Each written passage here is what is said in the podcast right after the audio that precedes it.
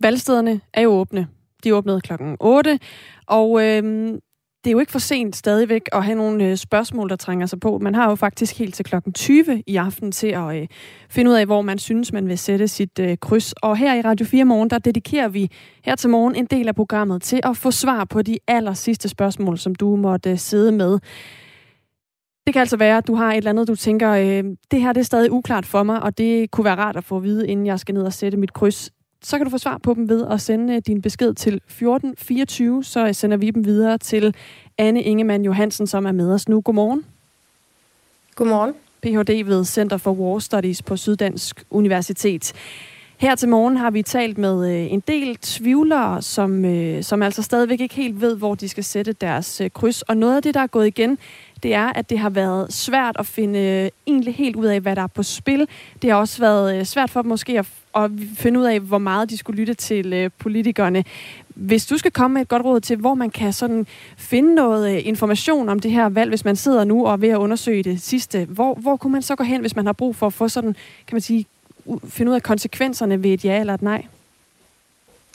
Altså, Udenrigsministeriet har jo lavet en øh, hjemmeside dedikeret til det her. Jeg mener, den hedder 1. juni.dk, øh, eller noget i den retning. Øh, så er der også EU-oplysningen, og så synes jeg også, at øh, mange af forskningsinstitutionerne og universiteterne i Danmark, altså øh, SDU, som jeg selv kommer fra, øh, Dansk Institut for Internationale Studier osv., har lavet øh, en masse artikler og policy briefs, øh, som øh, har til formål at oplyse om, hvad det er, vi skal stemme om.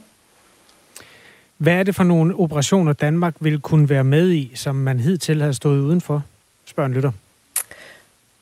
Det er EU's militære operationer. Øh, EU's fælles øh, sikkerheds- og forsvarspolitik har øh, to forskellige typer operationer i værktøjskassen, hvis man øh, gerne vil adressere øh, eller håndtere en, en konflikt eller en krig i øh, EU's nærområde.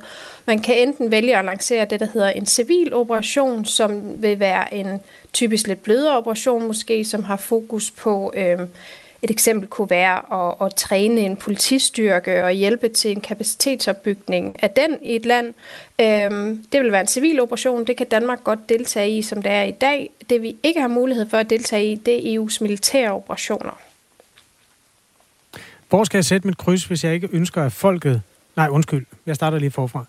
Hvor skal jeg sætte mit kryds, hvis jeg ønsker, at folket får mest indflydelse på deltagelse i diverse krigsmissioner? Det er det eneste, der betyder noget for mit valg spørger en lytter? Øhm, man kan sige, at som det er nu, der har befolkningen på forhånd nedlagt veto i forhold til, at øh, Danmark skal kunne deltage i øh, EU's øh, militære operationer, og så også dele af det kapacitetsopbyggende element i EU's øh, fælles sikkerheds- og forsvarspolitik. Og det er, en, øh, det er ikke en tilvalgsordning, hvor vi så kan stemme om, når lige præcis den her militære operation vil vi alligevel gerne være med i. Altså det, så fanger bordet sådan som det er nu, og så kan vi slet ikke deltage. Øhm, det der sker, hvis vi afskaffer forsvarsforbeholdet, det er jo så, at vi videregiver den, øhm, at vi åbner op for, at øh, at øh, regeringen og Folketinget øh, godt kan øh, i visse tilfælde øh, bestemme sig for, at Danmark skal deltage i nogle operationer, og dermed bliver magten, kan du sige, flyttet fra befolkningen til politikerne. Øh, men det åbner også op for både et ja og et nej, øh, hvor som det er i dag, jamen, der er det kun et nej. Vicky skriver også til os på sms'en, jeg har desværre åbenbart ikke intelligens nok til at forstå, hvad vi egentlig skal stemme om. Jeg har virkelig forsøgt at følge med, men som altid, så bliver det ikke forklaret. På dansk lyder det altså her fra Vicky. Du har jo været lidt inde på, hvad det er for nogle øh, konkrete missioner, men hvis du skal forklare det på dansk, hvordan, øh, hvad er det så, vi skal stemme om i dag, Anne Ingemann Johansen? Øh, for det første forstår jeg godt, at vi kan synes, det er et kompliceret område. Det er det også, og det stiller virkelig store krav til øh, den almindelige dansker om at sætte sig ind i det her, for at kunne sætte et kvalificeret kryds. Øh, så det forstår jeg godt. Øh, EU's fælles sikkerheds- og forsvarspolitik har eksisteret siden øh, omkring 2003, hvor EU etablerede sine øh, første øh, operationer. Øh, og den består i dag af to forskellige øh, overordnede kategorier. Den ene kategori er den værktøjskasse, vi har til at adressere konflikter, når de er brudt ud øh, eller forebygge dem, inden de gør det. Altså det er sådan lidt et reaktionært, øh, reaktivt øh, instrument, og det er de her civile og militære operationer, hvor jeg, som jeg sagde før, der vil vi også kunne deltage i de militære. Så er der også et andet element, øh, som er en del af forsvarsforbeholdet, og det er et lidt nyere element, der hører ind under EU's fælles sikkerheds- og forsvarspolitik, som i stedet øh, dækker over nogle initiativer, øh, der har til formål at fremme at øh, EU-landene bruger deres forsvarsbudgetter på en mere fornuftig måde, end man gør i dag. Altså i dag er der en stor grad af duplikation, altså vi køber mange af de samme ting, øh, øh, en lille grad af koordination. Øh, vi skældner ikke særlig meget til, hvilke fly og, og både som vores nabolande lige har indkøbt, og om de indkøb, vi laver, de giver mening i forhold til dem, hvis vi skal operere i det samme område, og vi skal udveksle reservedel osv. Og der øh, vil forsvarsforbehold betyde, at vi blandt andet, øh, altså hvis vi afskaffer det, så vil vi kunne indgå i det, der hedder øh, PESCO-samarbejdet, som er øh, et samarbejde, hvor øh, de fleste af landene er gået sammen om, der er et katalog på 60 forskellige projekter, hvor landenes øh, nationale forsvar kan arbejde sammen øh, om et projekt, der adresserer nogle af de øh, strategiske udfordringer, man har. For eksempelvis er der et projekt, som fokuserer på øh, militær mobilitet, som går ud på, at det skal være nemmere at flytte kampvogne, øh, hvis de kommer til Esbjerg fra USA. Øh, så skal det være nemmere at flytte dem på tværs af landegrænser øh, til fronten i Ukraine, uden at der er en masse forskellige lovgivninger på spil osv. Så, så det vil være et af de initiativer, som vi også vil få mulighed for at deltage i.